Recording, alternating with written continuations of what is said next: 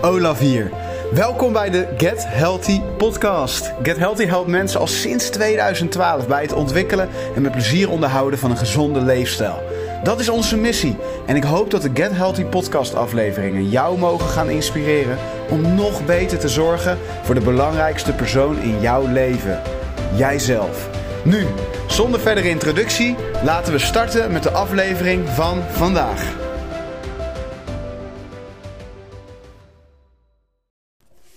Hey, Olaf hier. Welkom bij aflevering 7 van de Get Healthy podcast. In deze aflevering ben ik niet alleen. Ik uh, ga in, gesprek met Janine, Janine uh, Grotendorst. Uh, we kennen elkaar al een tijdje, alweer enkele jaren inmiddels. Een aantal jaar geleden ben jij bij ons begonnen omdat je zoiets had, er moet echt iets veranderen in mijn lifestyle. Dus je koos voor het programma Lifestyle Change. Kan je ons even mee terugnemen naar dat moment? Hoe zat je toen in je vel en wat maakte dat je dacht, ja, ik, ik wil graag veranderen? Nou, dat is nu zo'n beetje drie jaar geleden dat ik ben begonnen. En um, eigenlijk heb ik sinds de zwangerschappen van mijn kinderen altijd geworsteld met het gewicht. En um, ik had daar last van. Ik had pijn aan mijn lijf en um, voelde me gewoon niet fit. En toen nou ja, kwam dit programma op het spoor. Ik had al eerder informatie gezocht, maar dat was voor mij toen niet, niet, niet het juiste moment. En ja, op een gegeven moment kom je op zo'n punt dat je denkt, ja, ik moet iets doen. Want ja. dit, dit is niet goed voor me en ik red het gewoon ook niet met... Uh, dagelijkse dingen die ik wil doen. Ja, want je had veel pijn. Waar had je pijn? Met name van mijn rug. Oké, en dan ja. onderrug. Ja.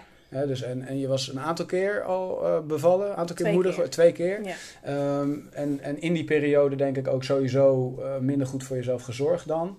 Uh, dus een aantal jaar van zwangerschappen, bevallingen, zorg voor de kinderen. Ik ben toch te zwaar, dus uh, kom maar op met dat eten. Ja, ja dat. precies. Ja. Ja. En wat, wat, wat was echt uh, de trigger dat je dacht... Hey, je zei, ik, ik wil, ik, er moest iets veranderen, hoorde ik je zeggen. Wat, wat, maakte dat je vond dat er echt iets moest veranderen? Was dat vooral de pijn, vooral het overgewicht, je zelfbeeld...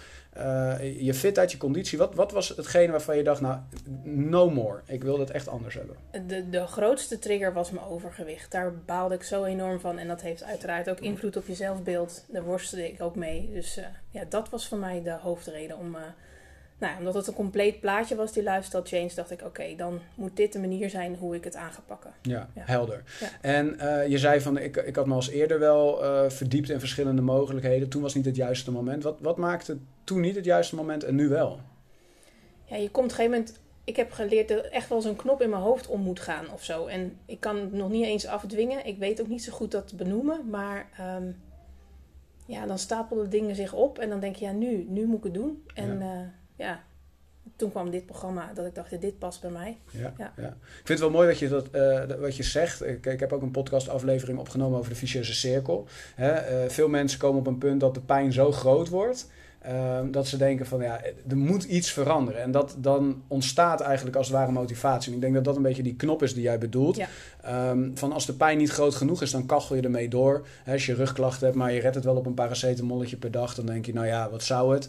Uh, alleen op het moment dat je niet meer kan functioneren, denk je, oké, okay, dit wil ik niet meer. Ja. Dus dat punt dat jij bereikt, lifestyle change trok jou aan omdat het compleet was. Uh, hè, met compleet bedoel je voeding, training, mindset. Ja. Uh, welk van die onderdelen is voor jou uiteindelijk het, het toch wel het meest doorslaggevend geweest. Want wat ik zo gaaf vind, is we zitten drie jaar verder. Mhm. Het is niet alsof je teruggevallen bent. Uh, natuurlijk heb je wel je ups en downs gekend. Maar we zijn drie jaar verder. Het heeft je echt uh, ja, blijvend eigenlijk aan een, een verandering geholpen. Ja. Wat was daarin voor jou hetgene wat echt het verschil maakte? Ik denk het sporten, het bewegen. Kijk, voeding is een struggle, is het nog steeds af en toe. En um, daar wissel ik ook in. Maar ik merk gewoon al, dat ik al door blijf trainen, dat houdt me fit. Ja. En dan ben ik soms misschien al te zwaar, maar ik voel me fit en ik kan gewoon mijn dagelijkse dingen goed doen. En ik geniet ook van het sporten. Ja, ja. precies. Dus geen issues meer met rugklachten, nee. geen issues meer met een slechte conditie. Nee. Zelfbeeld? Ook beter. Ja? Ja, ja? ja zeker. Wat fijn. Ja. Wat fijn voor je. Ja. Hey, en um, ja, we, we, zitten hier natuurlijk omdat je iets heel tofs gaat doen.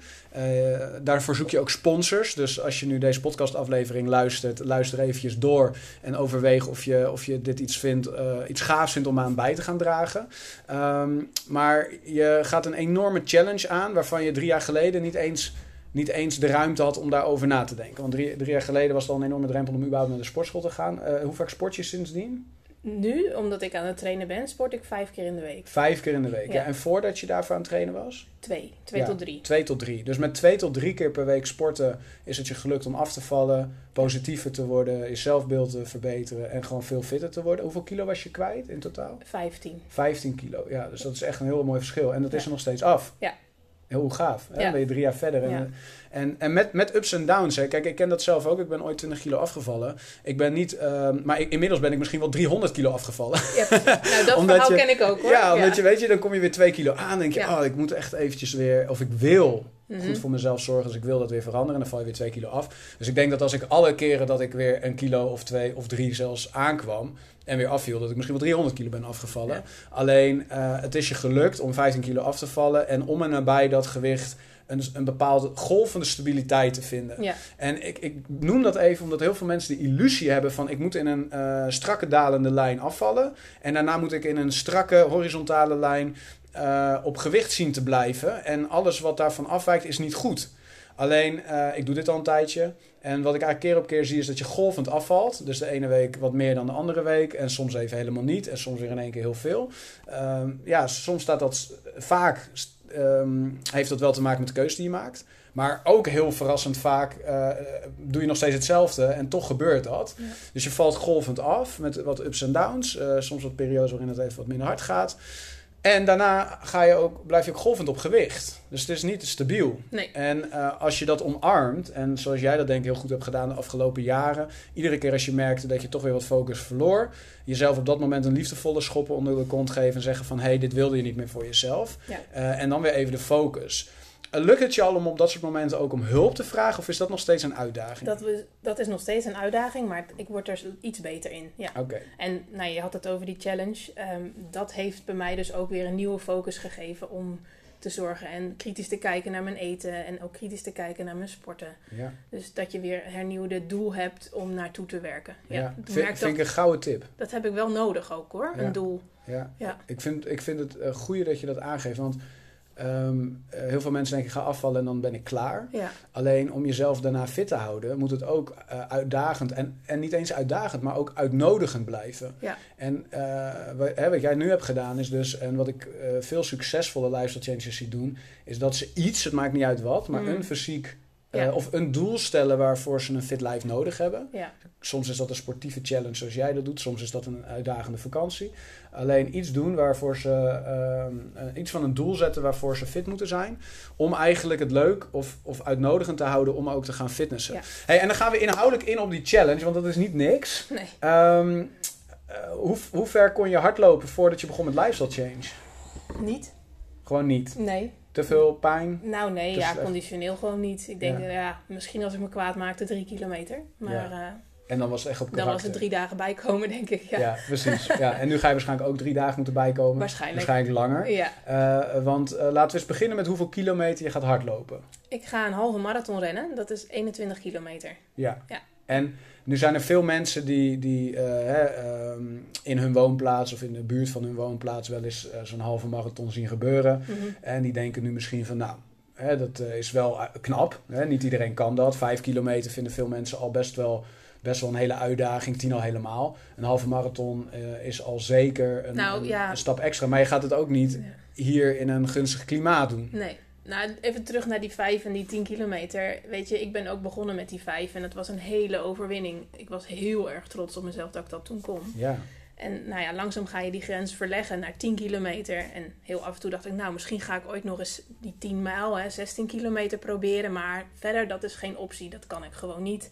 Ik heb de bouw niet. Ik heb het lijf daar niet voor. Ga ik niet doen. ja. Nou ja, nu komt dus toch die challenge voorbij. En heb ik me laten uitdagen om die 21 te gaan rennen. Dus het is bij mij ook echt een proces geweest van die drie jaar. ja. Van 3 kilometer naar 21. En nog steeds ben ik bizar, ja, vind ik het bizar dat ik dat ga kunnen straks. Ja. Ja, ja. Voel je al dat je het gaat kunnen? Ja. Omdat je training gewoon op de juiste manier opgebouwd is. En je ziet die progressie. En Ja, ik heb er vertrouwen in. ja, ja. Waar ga je dat doen? Ja, ik ga dat niet in Nederland doen. Ik Nee. ga dat in Tanzania doen. Ja. En, en vertel, vertel even... ehm, la- la- laten we eens beginnen met waarom. hè? Mhm. Het, het goede doel eh, Mhm. wat daaraan vasthangt.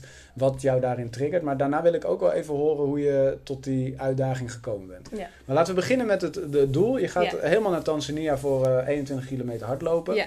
En het doel daarachter is uh, de stichting Compassion. Dat is een organisatie die uh, zich heel erg focust op kansarme gezinnen, kansarme kinderen.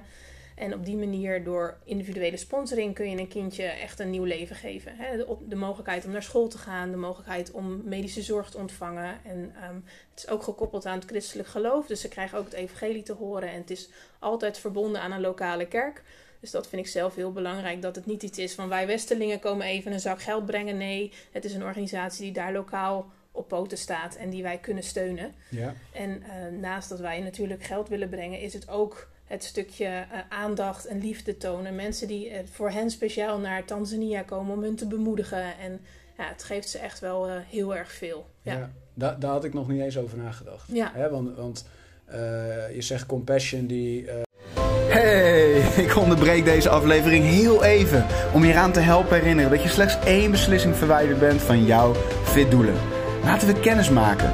Bezoek nu onze website ben je al klant en kan je wel wat extra support gebruiken? Dan helpen we je natuurlijk ook graag. Stuur nu meteen een berichtje naar onze klantenservice. Uh, we zijn allemaal wel gewend uh, om, om wat geld te storten. En daarna hoor je eigenlijk niet wat ermee gebeurt. Ja. ja heel, heel op, op grote schaal mm. hoor je wel wat dingetjes. Nou, dat moet je dan maar aannemen. Dus ik denk dat uh, in de loop der jaren veel mensen ook wel wat uh, ontmoedigd zijn geraakt ja. door het steunen van allerlei initiatieven. Kritischer zijn geworden. Merk ik aan mezelf ook. Dat ik vaak toch ja. Ja. liever mijn geld geef aan iemand die ik ken dan aan een grotere organisatie. Alleen wat Compassion dus onderscheidt is dat ze lokaal uh, een, een, kerk of gemeenschap hebben die daar ervoor zorgt dat het ook tot zijn recht komt. Ja, en dan weten de, zij weten ook wat de noden zijn van de gezinnen die bij hen betrokken zijn. Hè? Dat een kind nieuwe schoenen nodig heeft, dan kunnen ze dat aanbieden. En ehm, weet je, dat is, ik vind het mooi dat het veel persoonlijker wordt daardoor. Ja. En ja, het is ver weg, maar um, ze kunnen onze bemoediging en onze liefde niet in een envelopje opsturen. Nee. En dat stuur je niet met geld op. Dus nee. dat is toch iets waar je fysiek daarvoor naartoe moet. Ja, ja, ja. Dus er zijn eigenlijk drie dingen die je gaat doen. Eén, uh, uh, mensen, uh, en dit is misschien ook meteen interessant voor mensen die denken van, nou, dat spreekt mij aan. Ik, ik wil dit misschien wel ondersteunen. Um, dat kan op drie manieren. Dat kan één door een kindje individueel te sponsoren voor een x-periode. Ja.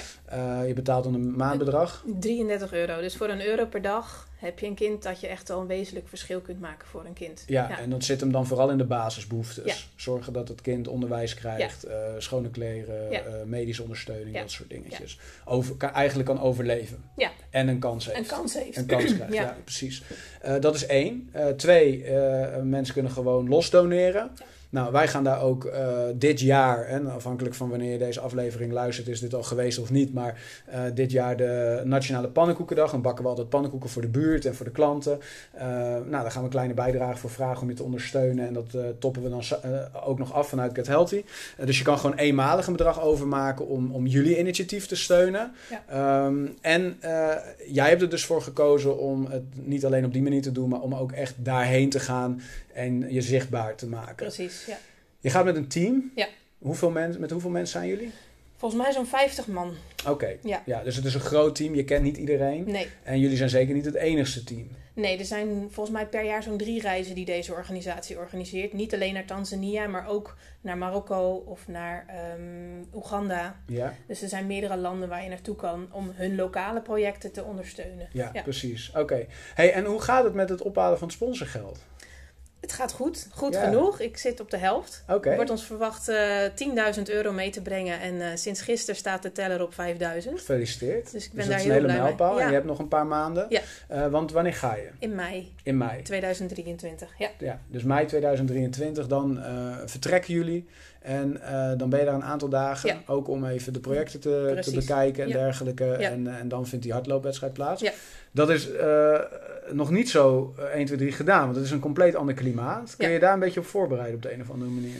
Nou, niet nu in de winter in Nederland. Maar uh, ja, het is daar uh, rond de 25 graden tegen die tijd dat we er zijn. Dus okay. het is te overzien. Dat is te overzien. En de run zal vroeg starten, 6 uur s morgens. Dus okay. met een beetje mazzel zijn we voor de eerste hitte echt wel weer binnen. Ja, precies. Dus dat is denk ik te overzien. Ja, precies. Goed drinken. Ja, ja. goed drinken. Leuk. Hey, um, nog even naar, naar hoe je tot die challenge bent gekomen uh, en waarom je hem hebt aangenomen. Ja, het, het, waarom van de organisatie snap ik nu.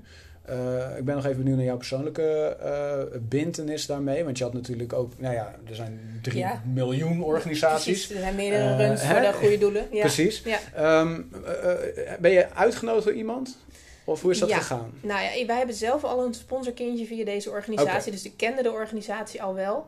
Ik had wel vaak gehoord van deze acties die zij opzetten. Dan wil ik daar heel even bij stilstaan. Hoe, hoe, hoe, hoe werkt dat? Want, je hebt zo'n sponsorkindje. Uh, je maakt maandelijks geld over. Maar uh, vertel even hoe dat is. Je kunt ook brieven schrijven met het kind. Dus wij schrijven brieven namens ons gezin en sturen foto's van ons mee. Ons kindje woont dan toevallig in Guatemala, dus dat ga ik niet kunnen ontmoeten.